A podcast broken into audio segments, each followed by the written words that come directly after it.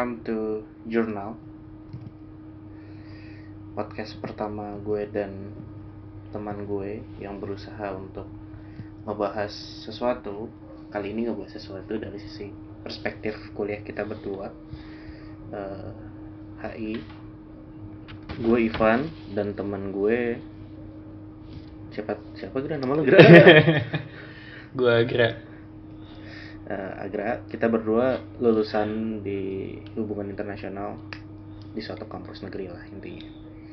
Hmm, eh, jangan dikasih tahu negara apa swasta. hmm, enggak dong, kita tidak kasih tahu kampusnya di mana, biar mereka menebak-nebak lah. Eh, hari ini kita mau bahas apa enggak? Hari ini kita mau bahas idol kita yang lagi naik daun yaitu Which is Corona. Corona. Eh, untuk kalian-kalian yang mendengarkan, Agra udah bikin tulisan pendahuluannya di blognya di default in IR ya, Gra? Iya. Default in IR.wordpress.com. Boleh dicek ke sana kalau misalnya mau tahu kira-kira apa sih secara garis besar yang akan kita bahas karena mungkin eh, di sini kita akan lebih masuk lebih jauh tentang bahasannya gitu. Jadi gimana, Gra? Kenapa sih corona ini? Nah, jadi Corona ini tuh bisa dibilang unik ya. Kenapa unik? Karena dia itu bisa memberikan dampak ke kehidupan kita sampai benar-benar hampir setiap orang tuh mengetahui dan merasakan apa dampaknya corona gitu. Kalau Hmm, hmm. penyakit-penyakit lain kan kayak pilek ya udah yang ya udah pilek gitu. Orang pilek ya udah istirahat. Cuma kalau corona ini enggak. Yang bi- dibikin geger itu nggak cuma apa nggak cuma satu dua orang atau satu dua tempat tapi seluruh dunia. Hampir seluruh dunia lah bisa dibilang. Karena Hmm. kan kita bisa lihat gimana di berita gimana ya kita kita sendiri lah lingkungan lingkungan kita gitu. Itu sangat sangat sangat sangat apa ya berdampak karena corona ini Hmm. Tapi balik lagi ke itu ya, balik lagi ke si trivianya dulu. Hmm. Sebetulnya kan virus corona ini virus yang sama dengan ambil contoh lah eh, influenza gitu, flu, Hmm. batuk pilek. Terus yang bikin beda sebetulnya di mana gitu. Nah, jadi eh ada kan udah sempat ditulis juga di mana namanya?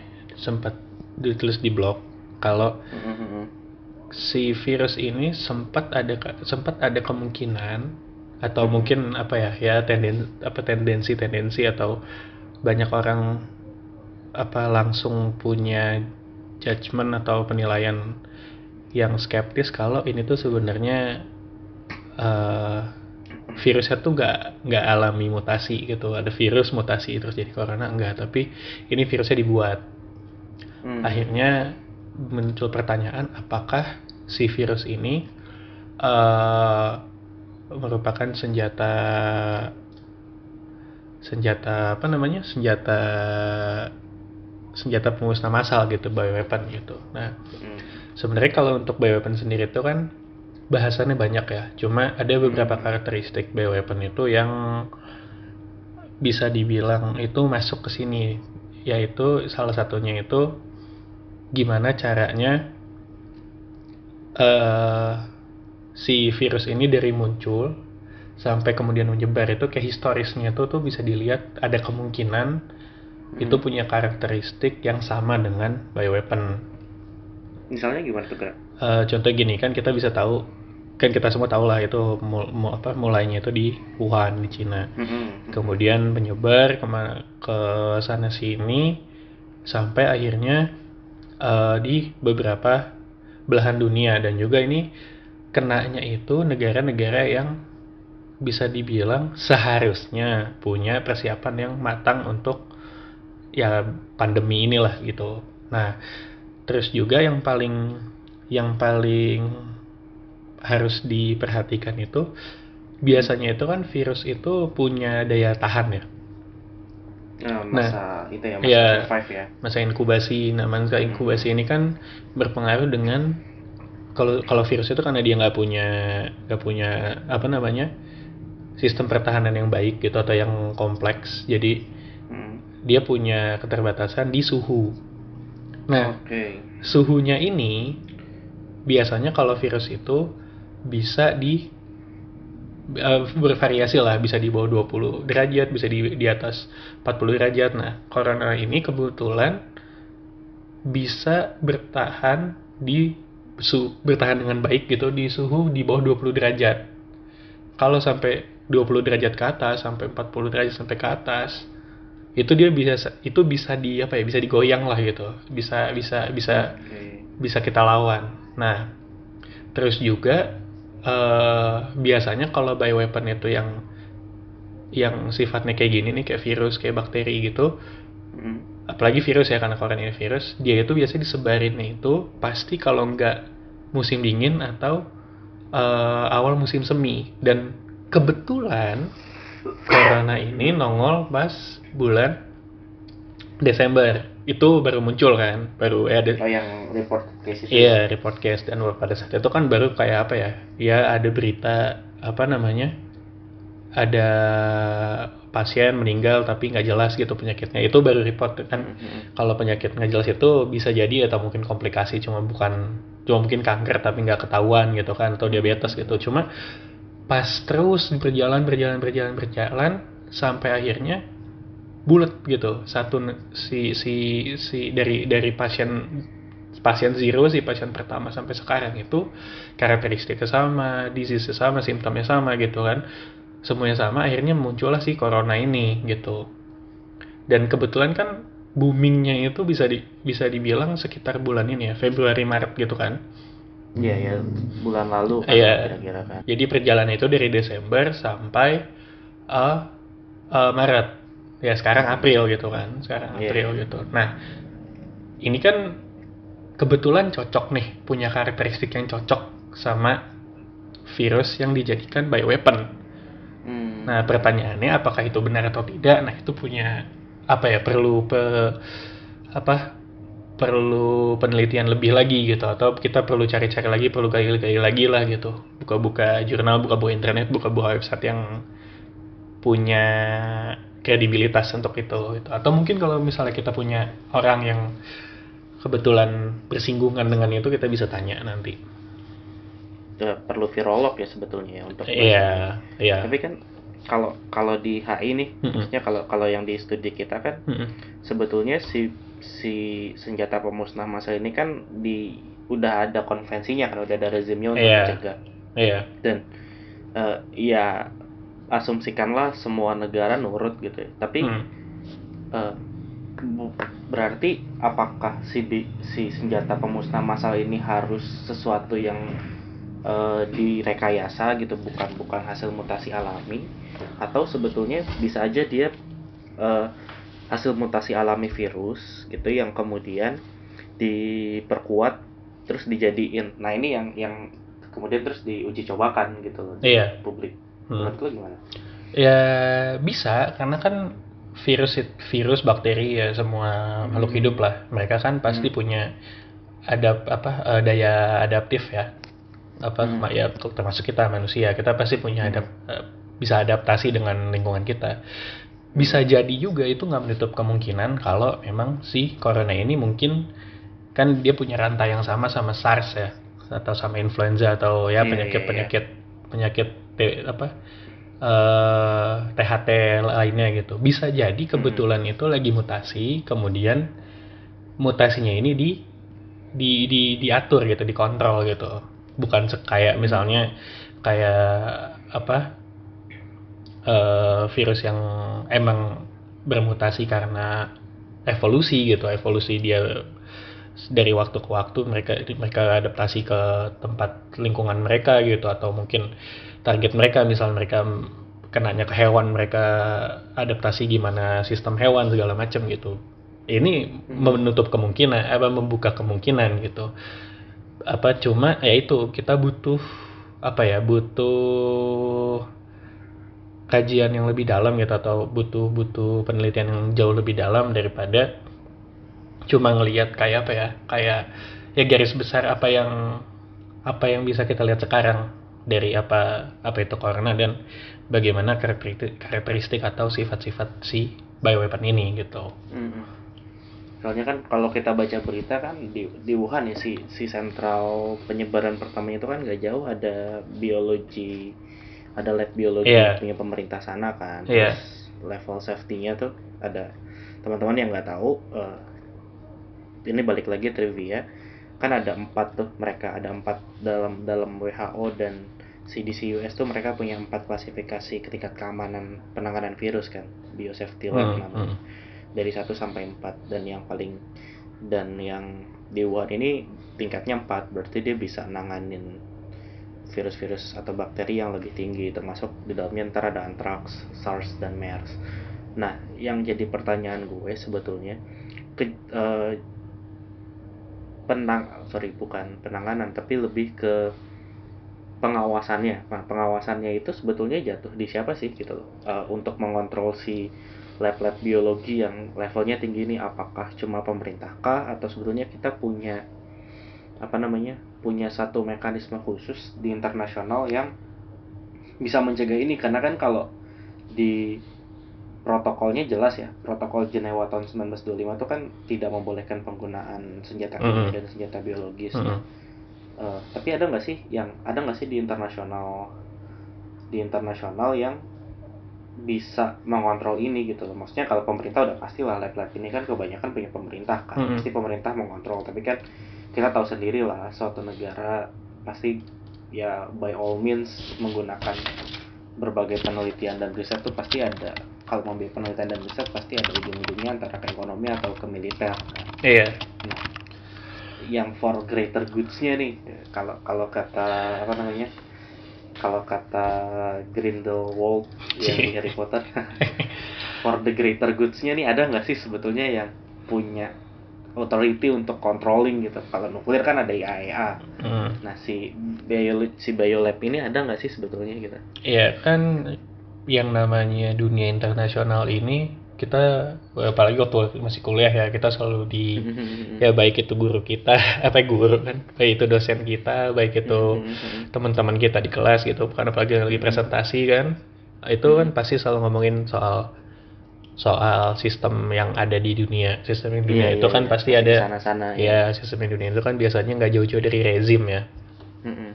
Nah, cuma itu dia eh si rezim ini kemudian jadi pertanyaan sebenarnya rezim ini tuh ada nggak sih gitu kan? Hmm. Karena kalau rezim ini ada seharusnya nggak ada lagi dong praktik apa namanya praktik ya ini menciptakan alat-alat pemusnah massal Iya, dengan iya. bentuk ini. Cuma kan kalau ini kalau ya, kalau Mhm. misalnya corona ini beneran bioweapon gitu kan, alat memu- Iya. pemusnah massal. Loh terus rezim ini ngapain gitu kan? Mm-mm. Nah, gitu. Nah, itu it- nah di situ itu juga butuh bahasan yang lebih lanjut karena kita harus ngomongin apa itu apa itu rezim, terus di dalamnya ada apa aja karena kan eh, di dalam rezim itu kan bercabang ya. Misalnya ada Iya. misalnya rezim politik, nggak mungkin dia ngomongin politik doang gitu. Pasti ada ekonominya juga di dalam, pasti ada mungkin healthcare di dalamnya. Nah, cuma eh, kalau berangkat dari sini yang mau gua yang mau gua tarik adalah gimana pada saat virus itu keluar gitu ya udahlah itu virus nongol si corona nasi sudah menjadi bubur gitu kan Iya, iya. ya ya udahlah kita lupakan ya apa yang terjadi terjadilah gitu Hmm. cuma akhirnya gimana setelah virus itu muncul gitu Hmm. jadi respon atau reaksi dunia dunia itu bukan maksudnya ini ya bukan maksudnya negara-negara doang tapi juga kita secara individu Hmm. eh, merespon si corona ini breakout ini gitu Hmm, Oke. nah kalau di blog gua kan sempat gue jelasin tuh. Contohnya Iya. contohnya Indonesia gitu kan ya, karena yang paling yang paling Yang paling dekat dekat ya ya, kita. yang paling dekat itu ya Indonesia gitu. Karena kan kita tinggal di sini gitu. Terus gimana dulu dulu awal-awal kan pada saat ya pertama Cina itu udah pasti kan. Karena emang awalnya di situ gitu. Mm-mm. kemudian menyebar mungkin ke Eropa mungkin kan. Eh ke Timur Tengah juga Arab sempat kena sampai Amerika gitu kan. Hmm. kemudian yang di Asia itu eh Malaysia sama Singapura oke mereka udah preventif dari awal. Ya, mungkin kecolongan wajar gitu kan karena ya namanya nggak kelihatan kan bendanya kan. Jadi kalau Iya, iya, kecolongan ya ya nggak bisa apa ya. Ya mungkin itu apa sih ya race against time aja gitu kebetulan Hmm. virusnya masuk duluan baru mereka respon gitu. Nah yang yang pengen gue highlight dari apa tindakan Indonesia itu awalnya eh, Indonesia itu yakin gitu. Kan gue tulis kan awalnya Indonesia yakin dan melaporkan ke dunia gitu kan. Eh, kalau nggak ada di sini corona kata kata Indonesia gitu kan ya kita tahu kita sadar dulu situ ada corona udah sampai Malaysia udah sampai Singapura gitu kan udah sampai Iya, iya, iya. Thailand udah sampai mana gitu cuma nggak ada di Indonesia gitu nah cuma ini mengesampingkan apa ya mengesampingkan ini ya mengesampingkan Kenyataannya ditutup gitu. tutupin atau apa Hmm. gitu gue nggak ngebahas itu gitu itu itu itu beda beda urusan lah gitu cuma yang lucu adalah eh seolah-olah dunia luar tuh ngasih tekanan ke Indonesia Hmm. gitu kalau masa iya Indonesia nggak ada gitu kan Hmm. Nah, logikanya gini ya, logikanya ya kalau misalnya eh logikanya kalau emang dengan kita balik lagi ke karakteristik si virus itu. Kan si si kor- virus corona ini kan bisa eh bertahan di suhu yang eh yang cukup dingin lah gitu. Iya iya. Sekitar 20 derajat gitu. Indonesia ini kan negaranya eh tropis. Iya kita kita pasti ada beberapa tempat yang punya titik terendah gitu kan di Indonesia. Tapi itu ya jangka waktunya singkat gitu. Jangka waktu jangka waktu jangka waktu Indonesia titik terendah itu tuh suhu terendah itu singkat, nggak kayak negara-negara subtropis yang memang sepanjang tahun punya titik suhu apa titik suhu yang lebih rendah daripada kita gitu. Iya. Ya logikanya Indonesia harusnya lebih resistan. Gitu kan? Hmm, hmm, hmm. Ya itu. Tapi kok akhirnya kan tapi kok akhirnya eh, muncul dan munculnya ini kalau misalnya untuk eh, orang-orang yang mungkin luar gitu kan. Mungkin kalau di luar cuma taunya eh, gimana negara-negara di luar Indonesia atau sekitar Indonesia Hmm. meyakinkan masanya Indonesia nggak ada sih virusnya gitu kan nggak ada corona kita aja kena gitu kan. Hmm, cuma di Indonesia pun dari dalam juga ada tekanannya gitu. Jadi kayak ada sebuah ketidakpercayaan masyarakat ke kondisi Indonesia sendiri gitu.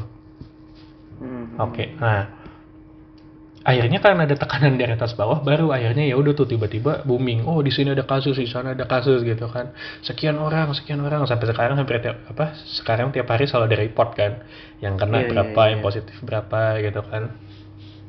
Nah ini kemudian eh, mau mau gua kaitin ke eh, bahasan dulu mungkin waktu kita kuliah sering diomongin masalah geopolitik gitu gimana ya gimana si suatu negara itu Hmm, hmm.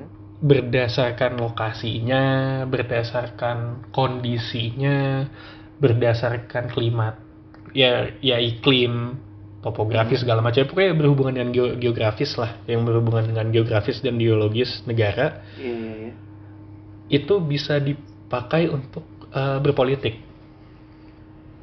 Gitu. Apa apa eh, contoh sederhananya gini ya apakah karena Indo- karena Malaysia dan Mal- dan Singapura positif kena Hmm, hmm. dan kita perlu menyadari dan mengakui bahwa mereka punya eh, sistem atau teknologi yang lebih baik dari kita untuk mendeteksi itu Iya iya. dan bisa bilang iya positif kita kena kemudian kita juga ikutan kena biar nggak apa namanya biar nggak kena tekanan gitu kan. Ya biar kesannya we're all this together lah gitu. Hmm, hmm. apa iya kayak gitu gitu kan. Terus ya itu dia balik lagi seharusnya kan ya rumpun rumpun Asia Tenggara ini harusnya lebih resistan gitu. Kecuali memang virusnya punya daya mutasi yang cepat gitu daya mutasi yang cepat nggak cuma siapa yang ditularkan Mm-mm. atau apa yang ditularkan tapi bagaimana kondisi penularannya gitu Hmm. dari yang tadinya ada di suhu cukup rendah gitu negara-negara yang punya iklim dingin punya iklim subtropis dia bisa naik ke iklim yang lebih hangat atau yang lebih panas gitu nah akhirnya kan akhirnya kan oke let's say itu yang terjadi Mm-mm. kemudian punya kemudian akan ada muncul satu pertanyaan baru apa jangan-jangan ini sebenarnya nggak ada urusan sama bio, bioweapon atau apa pun itu yang berhubungan dengan itu tapi ini emang masalah pure masalah ada virus yang mutasi menjadi lebih kuat menjadi lebih modern menjangkit menjangkit sesuatu atau suatu tempat Mm-mm. kemudian si virusnya ini eh, berdampaknya itu ka- simply karena kotor aja gitu. Hmm. yang dijangkitinya ini kotor gitu. Nah akhirnya kan itu kemudian menjadi narasi baru yang mau nggak mau kita terima gitu. Gimana caranya? Ya akhirnya bawa deh tuh teman kita India.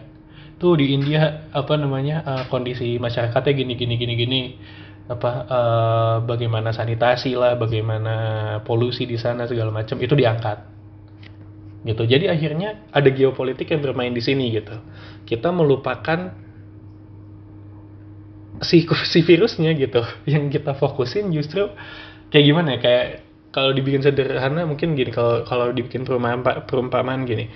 Eh ada satu yang ngetop nih ada sesuatu yang lagi ngetren di kelas katakanlah eh, teman kita si A dapat atau punya atau kena gitu kan. Terus Iya. akhirnya temennya kena temennya kena. Eh kayak ah, kita kita jadi bingung gitu. Ah gue kena ya nggak ya? Gue kena nggak ya? Terus kalau misalnya ada sama sedikit kayak Parno gitu loh jadi kayak ya kalau misalnya fandom mungkin poser kali ya. Jadi kayak poser gitu kan kalau misalnya. Oh iya. ya misalnya siapa yang lagi ngetren gitu terus ya ya, oh gue juga nih gue juga senang ini nih gue juga suka ini nih gue juga lagi hype banget nih sama ini nih gitu. Nah akhirnya yang main di situ kita jadi kita jadi melupakan sebenarnya sih sebenarnya ada apa sih di dunia ini? Ada virus gitu. Kita lupa ilmu itunya. Kita lebih mentingin siapa yang kena kenapa dia kena apakah kita harus kena juga? Terus kalau kita kena kita minta tolongnya gimana gitu. Di situ cuma itu luas banget kalau kita ngomongin geopolitik itu luas. Kan itu kan ada geo sama ada politik gitu kan geonya sendiri kita harus jelasin politiknya sendiri juga kita harus jelasin dan kemudian kita kaitin ke hubungan internasional nah hubungan internasional sendiri itu eh, panjang untuk jelasin Iya, iya. gitu iya. Tapi sebetulnya kan kalau gue ngelihatnya ya Mhm. bahwa pada akhirnya seluruh negara di dunia ini cuma jadi kayak tau gak sih lo eh, lebih ke yaudah deh yaudah deh gue bantuin lu atau gue gue berpartisipasi dalam global fight ini gitu. Mm-mm. hanya untuk sekedar supaya negara gue nggak kena gitu Hmm. pada akhir yang pada akhirnya kan sebetulnya nggak mungkin ya maksudnya kita ngomong Amerika yang di mana jor-joran awal-awalnya jor-joran ngasih duit untuk penanganan corona pun kita lihat di berita kan posisinya sekarang udah jadi yang nomor satu dalam jumlah infection rate dan jumlah Hmm. kematian gitu. Mm-mm. Pada akhirnya sebetulnya si yang kita lihat sekarang tuh lebih ke ini nggak tahu ya dari pendapat gue pribadi gue Mhm. lihatnya kayak semua orang tuh jadi seakan-akan oh yaudah deh gue bantuin negara lain biar gue nggak kena tapi gue juga harus konten negara gue supaya nggak nyebarin ke orang maksudnya secara global effort bagus tapi Mhm. di sisi lain malah jadi ningkatin isolasionisme nggak sih maksudnya ya ambil ambil contoh kebijakan kebijakan karantina wilayah total kan saat ini ada di Italia, Malaysia, uh, Jepang darurat nasional, terus kemudian uh, Amerika partly tergantung stage-nya tapi Iya. maksudnya kayak beberapa stage kan sudah Hmm. menerapkan karantina wilayah Hmm. tapi pada akhirnya jadi cuma gitu nggak sih maksudnya Nah, ya deh nah, gue itu gitu iya. ya gimana gimana Iya, jadi kayak kita preventif tapi preventifnya isolasionis gitu ya. Apa itu? Apa, apa bahasa yang nggak jelas kan? Bahasa terlalu keren, jangan.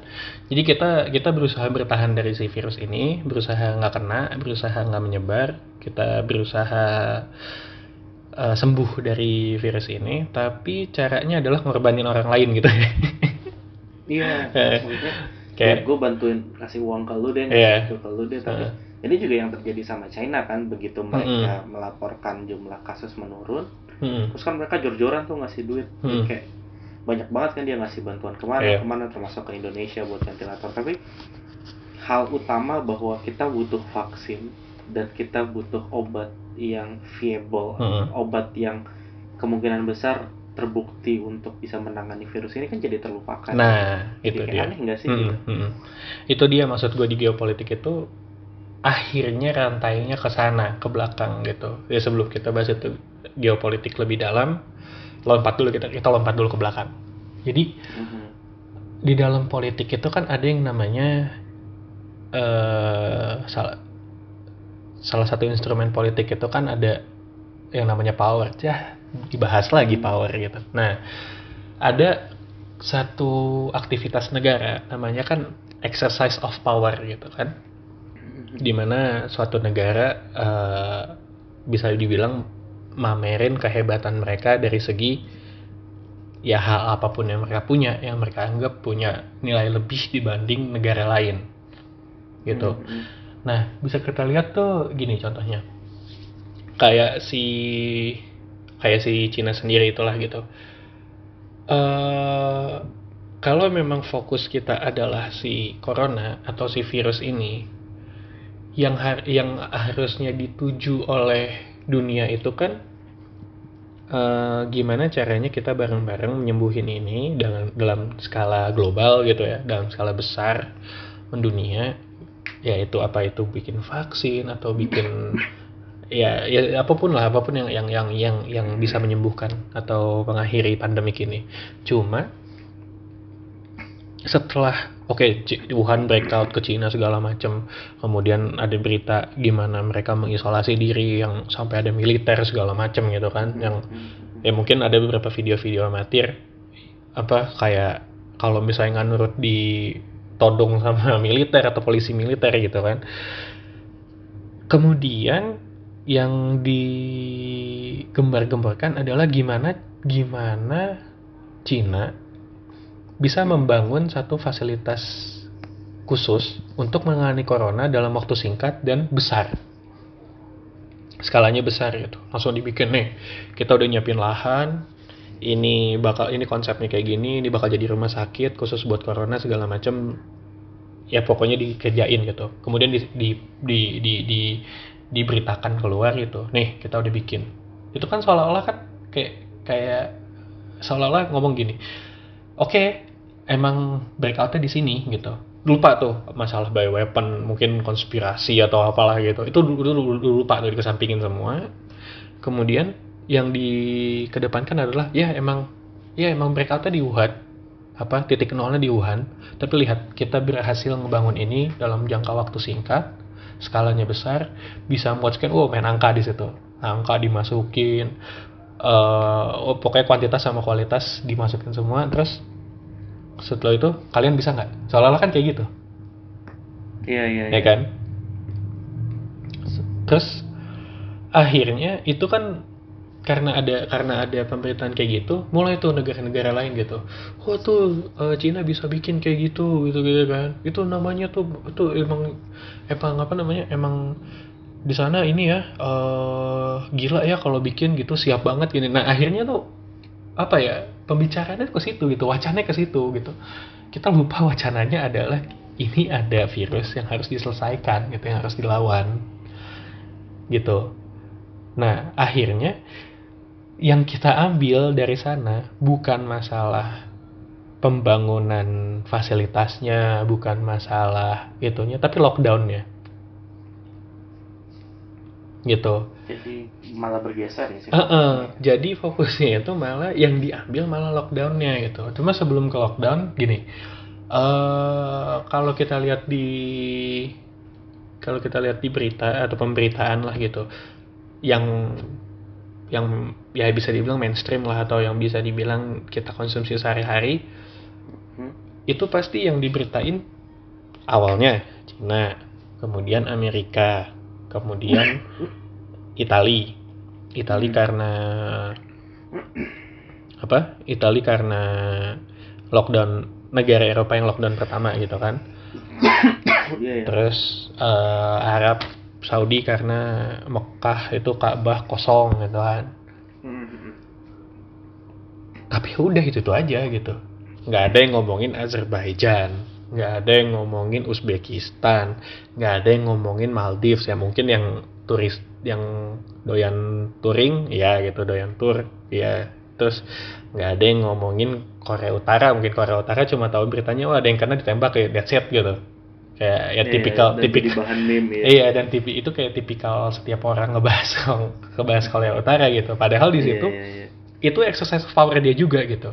Cuma kita nih yang bisa ngeksekusi depan publik atau depan pada saat itu juga siapa pun yang terjangkit biar nggak terjangkit yang lainnya gitu. Itu sebenarnya exercise of power juga gitu. Cuma mungkin apa ya kurang menarik untuk diikuti gitu. Ya, Iya. karena stereotip stereotip kan ya Iya. utara, utara diktator dan Heeh. lain sebagainya gitu ada yang kita lupa ada dua tempat yang kita lupa yang satu Rusia yang satu lagi Afrika kok nggak kok nggak ada ya Afrika tuh koar-koar gitu setahu gue setahu gue ya Hmm. eh, African Union kemarin sempat bikin gue lupa apakah sidang darurat atau pokoknya sebuah pertemuan gitu yang ngebahas mengenai eh, bagaimana cara mereka menangani virus ini karena beberapa negara udah kena kan South Hmm. Africa sudah kemudian eh, Mesir juga udah terus Hmm. negara-negara Horn of Africa tuh yang Tunisia dan lain Hmm. sebagainya kan juga ada sudah mulai melaporkan lah meskipun jumlahnya mungkin nggak gitu signifikan ya misal Hmm. atau dibandingkan misalnya kayak Iran gitu di Timur Tengah yang tiba-tiba jadi 3000, 4000 dan bahkan sampai eh, orang pentingnya kan orang pentingnya pun juga terjangkit. gitu. Hmm. Ini yang unik sih bagi gue ke- bagaimana sebetulnya peran media sendiri gitu. Peran media sebagai penyampai informasi ini juga bias gitu Hmm.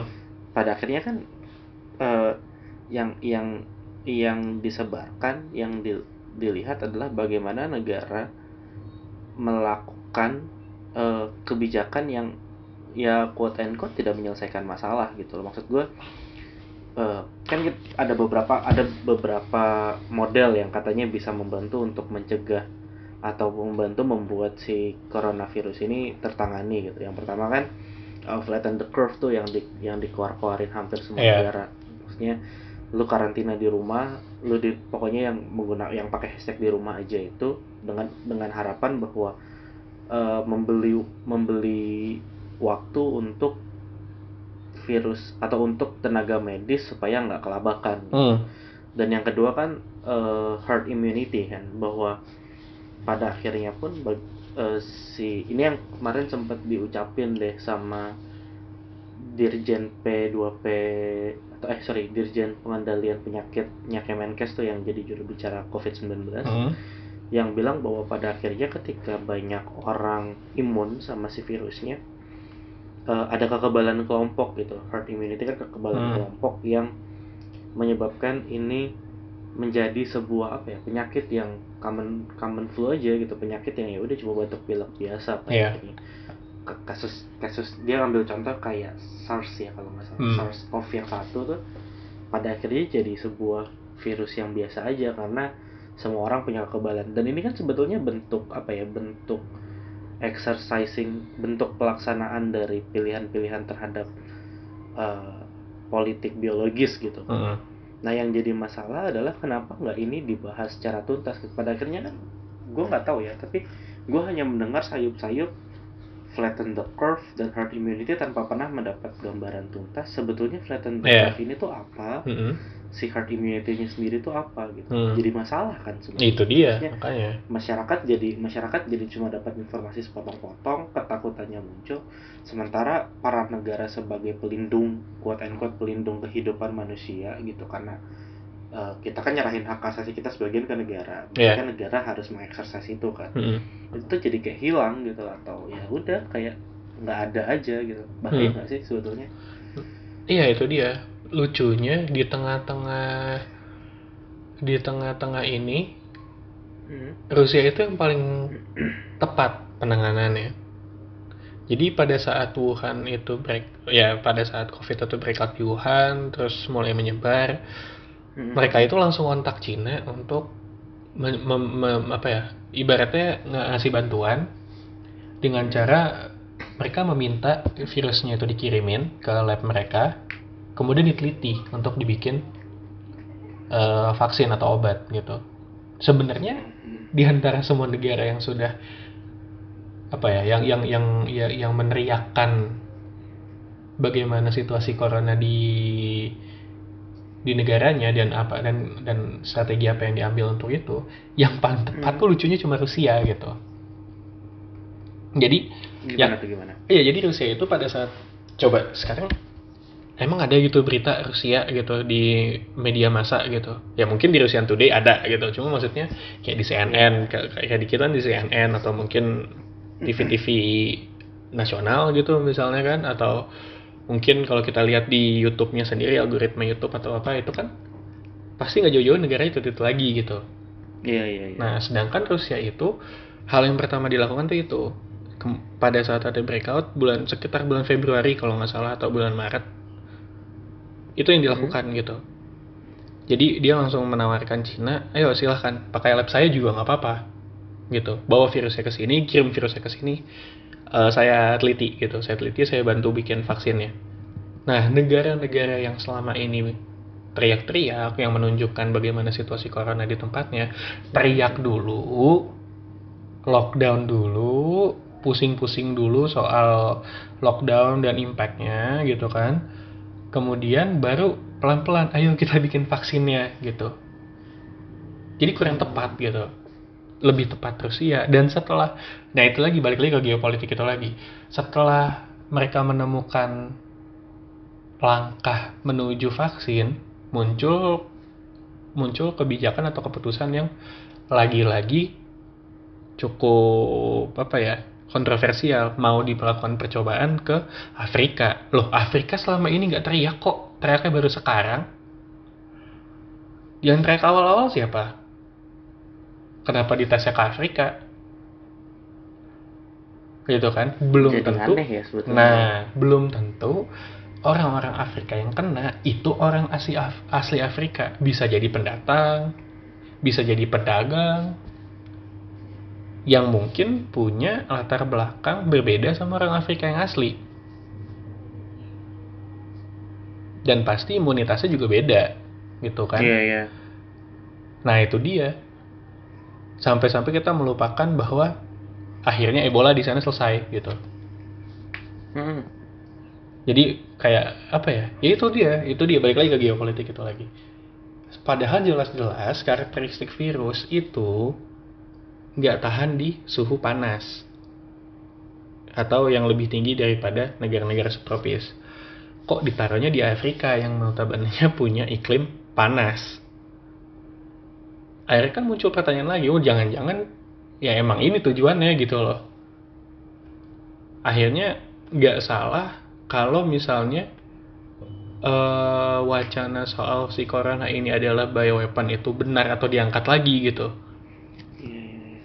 Karena karena terus kemudian menguji ketangguh and quote menguji efektivitas virus kan pada Nah, jangan-jangan itu bukan buat vaksin, tapi itu ber- bikin mutasi gitu, mutasi baru biasa nggak di tempat panas gitu kan, iya iya iya nggak nggak menutup kemungkinan gitu.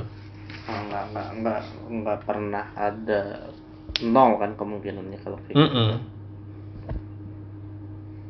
Itu dia. tapi bukannya gue nggak tahu ya maksudnya sampai saat ini kan Eh, kalau kita bicara penanganan si pandemi secara umum Mm-mm. kan semua orang semua negara terutama memilih mengambil kebijakan relaksasi defisit kan Eh, US tuh quantitative easing Hmm, lagi hmm. setelah sekian lama terus Indonesia juga udah kemarin ketok palu bahwa defisit diperlebar sampai 5% Mm-mm. gue lupa IMF atau World Bank bilang bahwa ada kemungkinan pertumbuhan ekonomi dunia ngelambat hingga minus 2% gitu atau minus 0, sekian persen. Mm-mm. Eh, nah yang yang jadi perta- yang jadi pertanyaan gue berikutnya adalah apakah si apa sebetulnya dampak ekonomi yang diakibatkan oleh pandemi ini kedua kedua hal pertama ke sistem yang ada saat ini di mana eh, IMF dan World Bank pun kan juga punya keterbatasan Hmm. kemarin gue denger di berita si IMF dan World Bank ini agak berat untuk ngasih pinjaman eh, penolong lah untuk negara-negara yang ekonominya rentan. Terus yang kedua dari apa apa dampaknya sama si sistem ini karena IMF dan World Bank yang notabene quote and quote bank bank banknya semua negara gitu ya Mm-mm. ajaklah bakat yang kedua sebetulnya ada masalah nggak sih terhadap apa yang kita anut mengenai ekonomi sebetulnya Hmm. Berarti ini ya nyambung sama blog gue yang itu yang postingan itu ya. iya yang postingan itu Hmm. Ya mungkin eh, gini untuk ngebahas ekonomi itu kan banyak di dalamnya kan. Mm-mm. Ada ada bisnis, eh, bisnis juga di breakdown lagi. Ada Mm-mm. currency, currency di breakdown. Ada ada ada market apa itu market, kenapa itu market, apa asal mulanya market gitu kan. Terus ya itulah apa ya pokoknya kalau ekonomi ini kan soal soal masalah jual ya ya secara garis besar mungkin jual beli ya jual belinya apa ya itu balik lagi gitu kan dan bentuknya bagaimana itu balik lagi gitu. Cuma gini kalau misalnya yang yang gue tekankan di blog gue itu yang pertama yang pertama itu apa kalau yang kan pertama gue bahas sistem sama ideologi. Mm-mm. kalau si ideologi itu ya ini biar ini sih biar biar maksudnya karena gue orang HI dan mungkin nanti menarik audiens HI juga eh, kurang lebih gini. Kan biasanya tuh kalau kita masih baru belajar gitu kan waktu masuk baru masuk HI masih masih pengantar semua itunya apa namanya apa? Mata kuliah itu masih pengantar semua pengenalan pengenalan kita dikasih dijejelin pasti ideologi. Ideologi itu kalau di HI selalu di breakdown jadi dua. Sebenarnya nggak selalu di breakdown jadi dua ada banyak. Cuma yang selalu di yang selalu digembar-gemborkan itu biasanya dua dualisme terus. Eh, realisme idealisme kapitalisme komunis apa? Ya liber kapitalisme komunisme liberalisme marxisme gitu gitulah. Nah Mm-mm. Eh, sebenarnya yang gua mau emphasize itu maksud gue bukan di situnya tapi tapi? eh, gimana cara ngelihat ini semua. Eh jadi si corona ini makin lama makin lama makin sampai ke ekonomi itu kayak tren. Sama kayak sama kayak apa yang ada di ya a- a- a- penganut itu gitu. Kalau dulu di kelas gue tuh sempet dulu ditanya gue masih ingat banget. Jadi ditanya eh kenapa sih eh negara kenapa semua orang itu pakai selalu menggembar-gemborkan demokrasi? Sampai negara yang paling tidak demokras demokratis pun menamakan diri mereka Republik Demokrasi. oke iya Korea Utara De- Democratic People Republic ya. Iya. Padahal di demokrasi sendiri dia yang paling de- yang paling minim demokrasinya gitu. Ada praktik demokrasi, ya demokratis sampai level tertentu iya. Cuma mereka sendiri menamakan diri mereka itu demokrasi. Kemudian gue jawab, karena ideologi yang populer itu demokrasi. Hmm. Ya kan, tapi ya karena emang kenyataannya gitu kan. karena ya semua orang itu termasuk kita sangat-sangat menyambut si pop si, si si demokrasi ini dengan seperti seperti sesuatu yang populer gitu seperti sesuatu apa ya, ya kayak kayak kayak artis kayak idol gitu kan kayak kayak jadi, gitu lah. Jadi bentuk budaya ya bukan Nah, sistem gitu. nah jadi kita lupa sebenarnya apa sih demokrasi itu apa sih ideologi itu. Ya ideologi yang tadi di HI ya kita jadi lupa Hmm. intinya tuh apa apa itu. Jadi kita diajarin nih sama dosen kita gitu atau kita diskusi sama teman-teman di kelas. Oh ya cuma sekedar oh ya eh, kapitalisme liberalisme komunisme marxisme fasisme gitu. Tapi kita lupa apa itu semua gitu. Kita cuma tahu apa itu fasisme? Nazi. Terus itu nggak menjelaskan apa apa gitu apa itu liberalisme? Apa itu kapitalisme Amerika? Gitu. Ya enggak gitu. Terus terus kalau bukan Amerika nggak kapitalisme gitu nggak kapitalis gitu nggak liberal gitu kan? Terus nggak ada freedom freedomnya gitu nggak ada demokrasi gitu kan? Nah yang mau gue emphasize di sini adalah si ideologi itu bagaimana praktiknya. Gitu. Jadi kalau kita lihat kan kebanyakan negara-negara di dunia ini menganut atau mengambil eh, sistem ekonomi dari ideologi eh, liberalis eh, kapitalisme. Mhm. ya kan? Eh, ya bukan sebuah se- bukan sesuatu yang tabu lagi kita omongin kalau bahkan negara kita pun punya sisi kapitalis yang cukup tinggi gitu. Iya iya iya di mananya eh ya ya lihat sistemnya aja gitu. Sistemnya itu sangat-sangat menekankan di kapital di modal. Jadi ya untuk buka usaha butuh modal untuk masuk bu- masuk pasar butuh modal untuk bertransaksi butuh modal gitu. Ya walaupun sekarang kita pelan-pelan eh, berusaha jadi padat karya bukan padat modal.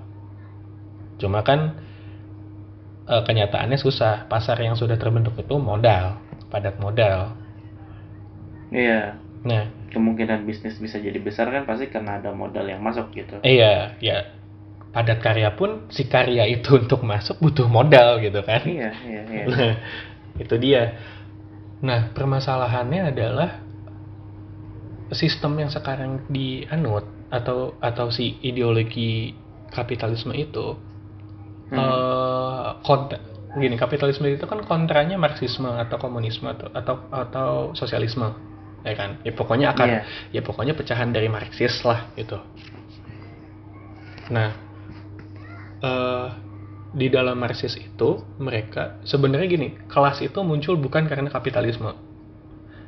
Kelas muncul karena marxisme. Jadi yang memunculkan kelas itu marxis tapi kelas itu menurut marxis muncul karena adanya kapitalisme. Oke. Jadi ma- jadi liberalisme atau eh, kapitalisme itu cuma nganggap gue punya duit lo nggak punya duit jadi lo kerja sama gue itu kapitalisme. Nanti lo kasih nanti lo gue kasih persenan atau punya fee punya salary gitu kan. Nah itu yang di itu yang yang dipegang sama kapitalisme. Marxisme enggak ngelihatnya oh enggak ini ada kelas gitu gitu. Nah berangkat dari situ kita sadar bahwa yang punya uang kelasnya di atas. Semakin tidak punya uang semakin ke bawah kelasnya. Nah Hmm. kenyataannya kan gini. Mau bagaimanapun roda perekonomiannya jalan mau bagaimanapun sistemnya jalan ideologinya dianut kelas pe- kelas yang di bawah atau yang disebut kelas pekerja itu kan pasti yang eh, blue collar kan tenaga kasar kan pasti labor kan iya iya iya Nah, eh, nggak usah jauh-jauh lah. Kita di mall aja punya, kita di mall aja suka lihat tuh toilet karyawan, toilet pengunjung. pengunjung Nah, ya tanpa kita mengetahui bagaimana isinya, udah tertanam di dalam di dalam benak kita semua toilet pengunjung lebih nyaman daripada toilet karyawan. Kalau ada yang nggak Oke. percaya, masuk aja gitu. Dan itu kenyataannya gitu. Kenapa tertanam? Karena dibentuk seperti itu. lewat pemisahan ya lewat pemisahan. Nah, si si pemilik modal ini nggak nggak peduli, cuma pokoknya gini, pokoknya gini pemilik modal tuh cuma gini, eh gue punya duit, duit gue sadar duit gue ini dapat dari customer, dapat dari pengunjung, dapat dari pembeli, ya pembeli gue servis, gitu. Hmm. Eh, pegawai gue gimana? Ya pegawai gue bare minimum aja lah, yang penting masih layak gitu. Dan emang ma- dan dan untuk untuk level tertentu, untuk situasi tertentu, untuk kondisi tertentu layak Hmm. gitu. Cuma ada tempat-tempat atau pasar-pasar yang pelaku pelaku atau pekerja kasarnya itu kurang layak. Atau mungkin layak tapi bare minimum gitu loh bener-bener diambang antara manusiawi dan tidak manusiawi gitu loh. Atau mungkin ada beberapa kayak apa ya standar-standar keselamatan standar-standar kesehatan yang tidak yang tidak sepenuhnya dipenuhi gitu nah permasalahannya secara praktis atau secara sadar yang bekerja itu mereka pekerja ini yang bekerja yang yang memproduksi ini pekerja memang gitu dengan bantuan modal dari pemilik modal. Nah, karena selama ini dari semenjak eh, sistem ini atau atau ya sistem ini diberlakukan, yang bekerja ini nggak pernah dikasih eh, nggak bukan nggak pernah dikasih eh, tidak punya eh, fasilitas atau akses menuju fasilitas yang sama sama pemilik modal. Karena kenapa? Karena kan mereka bekerja, mereka dapatnya upah kan, mereka dapat gaji. Gajinya itu kan bagian dari pendapatan, bagian dari hasil si produksi itu. Ada ada pabrik misalnya, ada pabrik bikin baju, bajunya jadi duit, sebagian dari uang itu dikasih ke pekerja yang bikin. Nah, bagian itu kan lebih kecil. Otom- eh, ya karena dari karena bagiannya lebih kecil berarti kan secara modal mereka lebih sedikit daripada pemilik modal utamanya kan. Hmm. Nah, itu yang menjadi itu yang menjadi yang memisahkan mereka. Akhirnya mereka nggak bisa dapat akses sama dengan pemilik modalnya gitu. Mereka mereka sama-sama bisa makan, tapi beda apa yang dimakan atau di mana mereka makan. Mereka sama-sama bisa punya tempat tinggal, tapi beda bentuk tempat tinggalnya gitu kan. Ya pokoknya gitulah, ada perbedaan akses. Nah, mereka yang punya akses lebih minim daripada mereka yang punya akses lebih banyak, eh, punya resistensi, eh punya punya kelemahan atau resistensi yang lebih minim daripada eh, yang punya duit banyak gitu. Karena kan sejatinya walaupun si corona ini apabila apabila ya apabila benar dia senjata biologis tetap dong kuman bakteri virus itu punya tempat yang mereka lebih sukai gitu Iya, iya. dan tempat yang bersih biasanya mereka nggak suka kecuali yang memang sudah mutasi bertahun-tahun mungkin berabad-abad mungkin di tempat yang steril. Mereka punya mereka punya imunitas sendiri di tempat yang steril. Tapi kan secara umum biasanya bakteri virus gitu gitulah pokoknya yang yang menyebabkan penyakit itu kan lebih suka tempat yang kurang bersih. Nah mereka mereka yang nggak punya akses ke fasilitas yang lebih baik stuck di situ stuck di tempat yang kurang bersih nah itu dia. Makanya balik lagi ke bagaimana kita merespon si corona ini. Yaitu kalau memang fokusnya adalah virusnya bagaimana ngelawan virusnya yang digembar-gemborkan bukan lockdownnya. Tapi bagaimana memilih mem- bagaimana mengakomodir semuanya supaya nggak kena corona supaya sembuh dari corona gitu. Nah akhirnya karena karena ini semua kejadian yang diambil malah lockdownnya akhirnya baru nyadarnya setelah semuanya lockdown gitu kan masuk ini akhirnya ngeguncang ke sistem ekonominya. Ke sistem yang sudah Hmm. tadi dibuat. Karena kan nggak ada produksi. Nggak ada produksi yang punya modal pun nggak bisa memproduksi karena nggak ada mesin atau alat produksinya atau operatornya gitu kan walaupun mesin kan tetap butuh operator kan Iya iya. Nah, itu dia. Nah, sistem lebih dalam lagi berangkat ke sistemnya itu adalah yang di challenge adalah eh gimana kita sehari-hari atau selama ini normalnya eh bertukar barang dan jasa. Gimana tuh?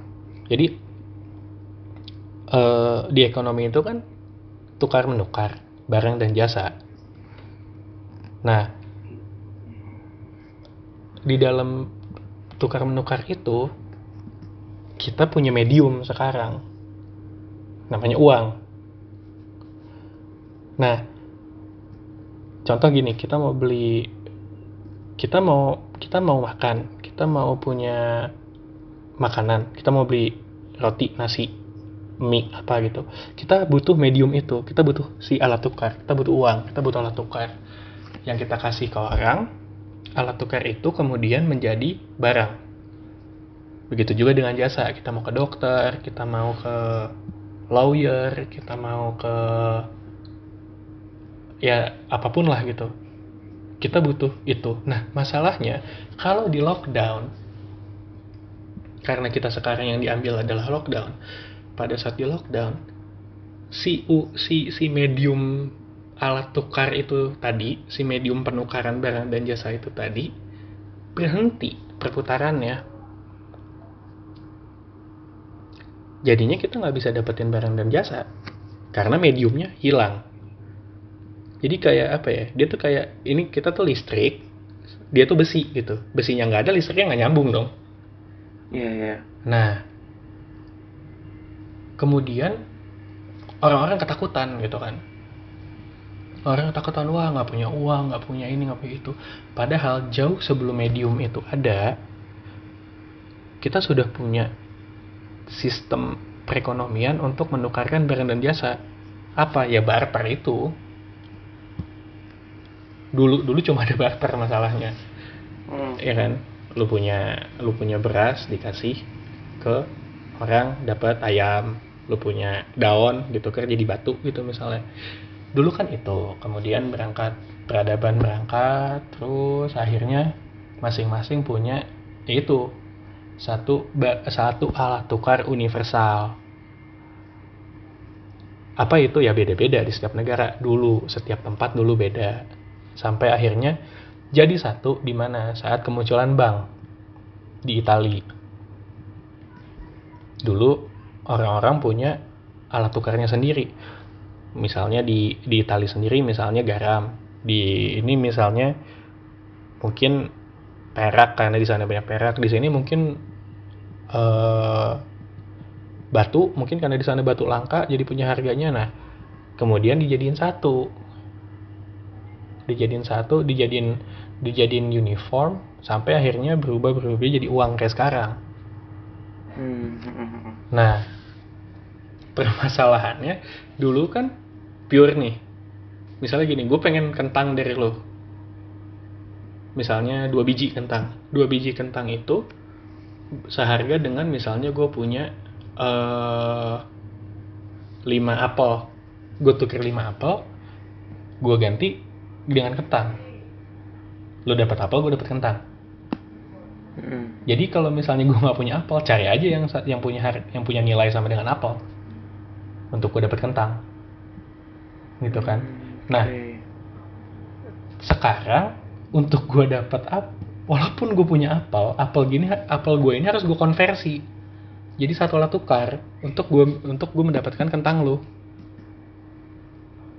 nah tapi kan alat tukarnya sekarang ber, diem nggak bergerak nggak berputar Hmm, hmm. gimana gue bisa dapetin gimana gue bisa nuker apel gue dengan alat tukar itu untuk dapetin kentang lo kalau nggak ada yang mau ditukerin apel untuk jadi alat kalau nggak ada alat tukar yang mau ditukerin sama apel gitu Jadi akhir problematis ya. Nah, nah, nah itu dia perlu juga disadari dulu itu kan kita selalu waktu belajar sebutkan alasan kenapa negara-negara melakukan hubungan bilateral atau Iya, hubungan antar negara, hubungan internasional. Pasti kan jawabannya selalu eh, ini kan, selalu eh, uniform, selalu satu bentuk. Karena setiap negara tidak bisa memenuhi seluruh keinginan negaranya karena keterbatasan Iya. negara tersebut. Kita sadar kita punya keterbatasan, makanya kita minta bantuan keluar. Sekarang kita membatasi diri. Nah, masalahnya kalau udah membatasi diri ini kan batasan setiap negara beda-beda. Orang yang nggak katakanlah gini, orang yang pernah puasa disuruh puasa, sama orang yang tiap hari puasa. Lebih santai orang yang lebih puasa kan, nggak makan daripada orang yang nggak Iya, pernah iya, puasa. Nah, itu dia. Di situ. Nah, akhirnya muncul satu wacana apakah jadi dalam suatu apa ya? Kalau nggak salah namanya studi kebencanaan. Dalam studi kebencanaan itu ada yang namanya the new normal. Bagaimana sebuah bencana membentuk sesuatu baru yang dianggap normal. Nah, apakah lockdown dan juga corona ini akan membentuk the new normal? Salah satunya mungkin kita akan balik lagi ke ya kalau dari penjelasan gue yang tadi, mungkin kita bakal balik lagi ke barter. Mungkin nanti uang nggak ada harganya lagi gitu kan. Kita men- menemukan sesuatu baru atau atau kita kembali tidak menggunakan uang, bisa jadi itu membuka kemungkinan walaupun apakah itu besar atau kecil ya sampai saat ini sangat-sangat kecil gitu atau mungkin ya ada hal lain yang bisa kita tukarkan untuk mendapatkan itu tadi kan barang atau jasa. Gue punya apel gue pengen dapat kentang. Ya gue tukerin kentang. Gue tukerin apel gue jadi uang. Kemudian eh gue tukerin uang gue jadi kentang. Nah sekarang jangan-jangan ada sesuatu yang bisa ditukarkan dengan uang tapi bukan apa lagi. Apa itu ya kita nggak tahu belum belum ke sana gitu. Tapi apakah itu bak akan membuka kemungkinan? Iya. Kalau dari studi kebencanaan atau ya itu tadi konsep the new normal itu iya ya mungkin akan ben- akan terbentuk currency baru atau mungkin terbentuk sistem yang baru atau kita butuh butuh proses baru lagi. Jadi kan kita tadi eh, apel tuker ke duit tuker ke kentang. Ya mungkin setelah duit itu ada lagi apa gitu. Ada lagi the next step baru dapat baru bisa ditukerin lagi gitu. Hmm, nah mungkin kita ya mungkin akan ke sana gitu. Tapi the konsep konsep new normal ini kan sebetulnya sesuatu yang nggak baru-baru banget nggak baru-baru Maksudnya, banget. kita kita udah ngelihat ini dari ambil contoh agak lama deh ya misalnya eh, SARS atau MERS gitu Hmm. sampai sekarang kan eh, SARS MERS dan meningitis gitu Mm-mm. sampai sekarang kan dan ini jadi new normal di Saudi Arabia di eh, for your information gue dan Agra muslim jadi mungkin akan banyak eh, refer ke yang mendekati ke arah sana Mm. tapi kita nggak bawa bawa agama kok tenang kita bawanya apa jangan jangan jangan mancing deh Eh, apa suntik eh, vaksin meningitis terutama kan menjadi suatu hal yang wajib Mm-mm. di di Saudi Arabia dan itu juga bentuk new normal Mm-mm. Tapi sebetulnya apakah ini akan berdampak? Maksudnya mengingat sekarang hampir semua negara udah kena, iya kemudian juga ekonomi ekonomi sudah mulai eh, melambat atau bahkan sudah hampir jalan di tempat gitu. Sebetulnya seberapa new normal ini akan dalam tanda kutip ngeguncang si sistem yang udah ada gitu. Karena kan selama ini kita dimanjakan maksudnya dengan bagaimanapun eh, kondisi yang terjadi, bagaimanapun negara, maksudnya bagaimanapun negara-negara kena pandemi maksudnya dengan SARS, MERS, flu Spanyol dan lain sebagainya, si sistem yang ada sekarang tuh tidak berubah, maksudnya tidak goyang dalam artian negara tetap prevail satu, negara tetap prevail, terus uang tetap prevail dalam artian uang bukan si kertas dan koin ya, tapi lebih ke sistem pembayaran universal Mm-mm. tetap prevail kan. Mhm. Terus kemudian perbankan serta eh, pasar uang, pasar modal tetap prevail gitu. Nah, apakah empat ini sebetulnya cuma adapting dari waktu ke waktu atau sebetulnya dengan adanya ini kan udah global nih Hmm. dan kita nggak tahu bakal berapa lama kan apakah akan apa namanya eh, keganti gue gue mengasumsikan gini ya misalnya eh, kemudian untuk mencapai posisi di mana semuanya terkendalikan semuanya bisa jalan normal lagi gue gue punya pikiran bahwa ada kemungkinan si company-company yang besar ini kemudian masuk ke industri farmasi dan saling apa ya namanya saling kerjasama bikin satu super group Hmm. dan itu kemudian replacing negara misalnya ini untuk contoh Mhm. kalau dalam politik Mm-mm. sistem politik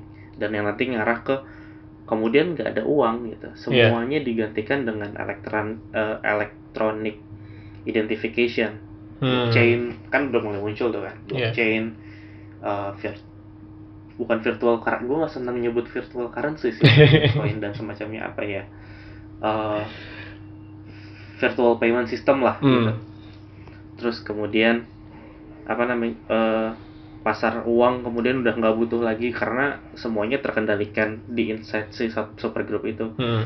ada kemungkinan nggak sih bahwa ini sebetulnya apa ya akhir sebuah akhir yang kita kita rasakan sekarang gitu akhir kenyamanan yang kita rasakan sekarang Hmm. dilindungi negara jadi semuanya nanti gue ngeliatnya ya udah semuanya profit oriented gitu karena Hmm.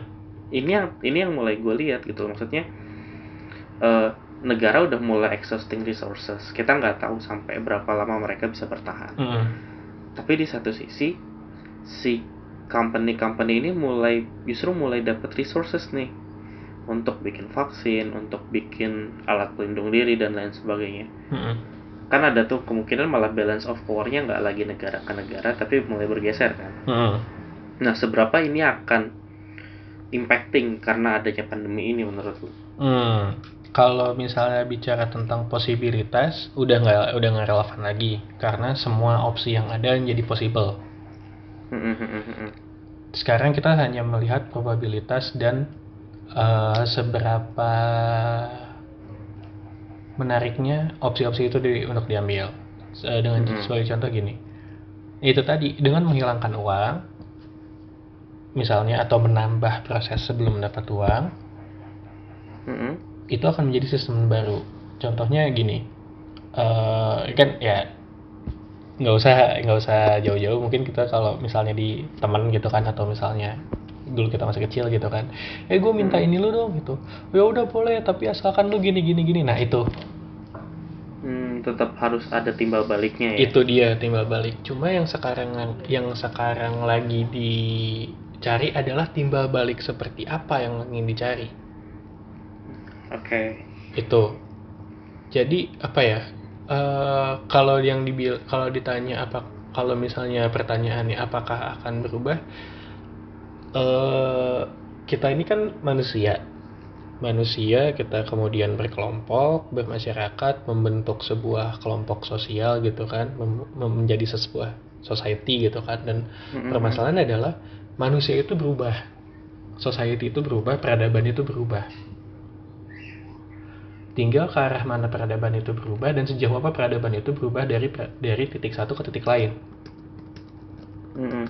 Nah, itu gerakan kita yang sekarang. gitu. Oke.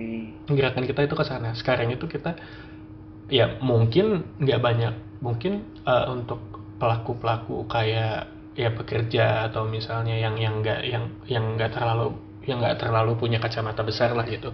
Cuma ngerasa aduh susah sekarang nggak ada nggak ada kerjaan nggak bisa cari uang gini-gini. Sedangkan di luar sana yang punya resource lebih yang punya pengetahuan lebih sedang mencari. Apa jangan-jangan emang udah sa jadi gue sempat sempat baca atau sempat nonton gitu. Jadi belum gua belum gua godok sih cuma gue sempat ngeliat udah gua save cuma gue lupa save di mana. Jadi gimana akhirnya uang bisa menggantikan uh, bisa menyatukan bukan menggantikan gimana uang bisa menyatukan uh, secara jauh lebih baik dibandingkan uh, negara atau kerajaan? Dulu kan gitu kan dulu kan Tuhan gitu kan atau dewa atau apa pun lah ekstraterestrial lah. Makhluk-makhluk in apa uh, transendental yang menyatukan masyarakat yang memasukkan manusia dari dengan manusia lain.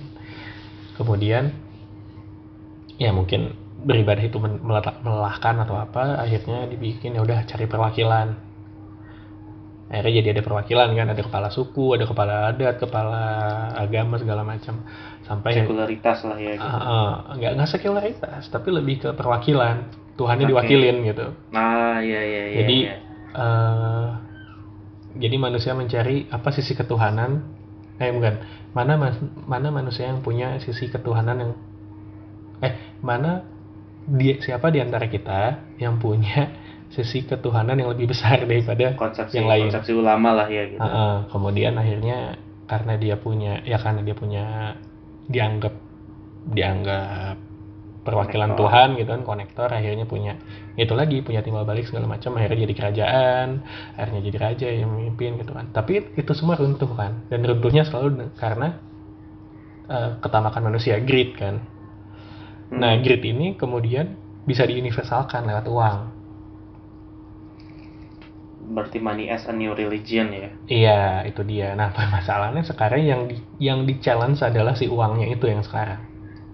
Oke. Okay. sekarang ya sekarang gue suruh kerja gitu kan atau gue dis, gue disuruh kerja atau gue nyuruh kerja gitu kan. Ya kalau orang lain nggak kerja gue gimana bisa dapet uang gitu? Gue kerja nih gue produksi.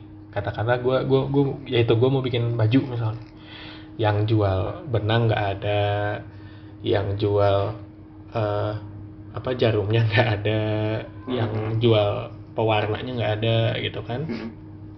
tapi gue punya uang banyak gue punya uang banyak gitu. Di tempat lain nggak berani kenapa? Takut takut takut virus gitu loh. Takut kejangkit takut gue sakit takut gue mati gitu.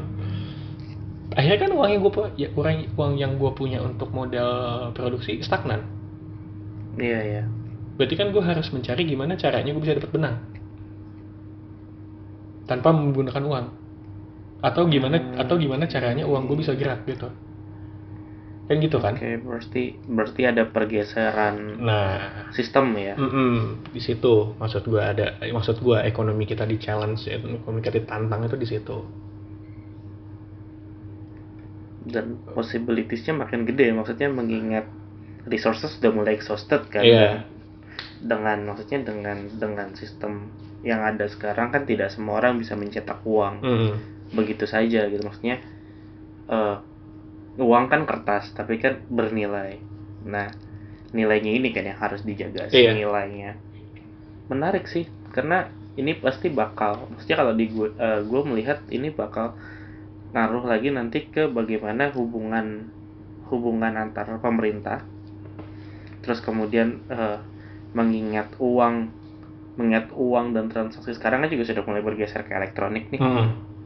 itu bakal berpengaruh dong nantinya ke privacy ke data terus ke use apalagi kemarin kan sempat kayaknya pak presiden ya yang hmm. bilang bahwa data is a new gold data is a new oil hmm. bahwa dia sebuah resources baru yang luar biasa gitu dan dan mungkin malah akan jadi sebuah sistem baru yang semua orang akan ke sana gitu. Maksudnya pelan-pelan hmm. sudah berbiasa kan dengan Industrial Revolution 4.0 hmm. quote and quote. Hmm. Tapi kan uh, kita juga belum tahu nih. Maksudnya industri, revolusi industri 4.0 itu kan masih ngawang lah gitu. Iya. 4.0 aja apa gitu. Even, iya. Even di di negara pencetusnya sendiri di Jerman kan juga masih belum kelihatan tuh sebetulnya kayak gimana kan hmm. arahnya juga bakal ini bakal berpengaruh banget nantinya ke si international effort si usaha internasional untuk menangani pandemi hmm. dan rezim internasional yang ada sekarang tapi kayaknya harus kita simpan pembahasannya untuk ntar-ntar oke okay. jadi uh, buat teman-teman yang tertarik dan masih ingin tanya-tanya lebih lanjut bisa kontak kita di kontak.journalir kecil eh, kon, ya kontak biasa dot journal ir at gmail.com atau hit us up di Instagram lo apa kak? At xoxoag. Eh, di at xxag itu di private nggak? Enggak. Nah, jadi bisa ke at xxoag atau ke bisa hit me up di at Ivandi Khairi tapi punya gue di private dan jadi mungkin agak sedikit susah untuk lo yang mau nanya-nanya bisa eh, mungkin kalau mau reach me up bisa langsung aja kirim email karena gue yang biasanya akan ngecek lebih sering ngecek cek email Oke. banyak pertanyaan-pertanyaan apa pertanyaan-pertanyaan apa pun lah nggak harus tentang si pandemi ini kalian punya pertanyaan bahkan se sed- sederhana banget yang kayak emang HI belajar apa mungkin akan Boleh, kita boleh. bawa ke mungkin nggak akan kita bawa ke podcast Iya. tapi sebisa mungkin akan kita coba jawab lah Oke. via email atau DM kira-kira itu aja Gra untuk session kali ini Boleh, boleh. Eh, sampai ketemu lagi sama teman-teman di episode-episode berikutnya eh, jurnal apa podcast jurnal hari ini see you soon and goodbye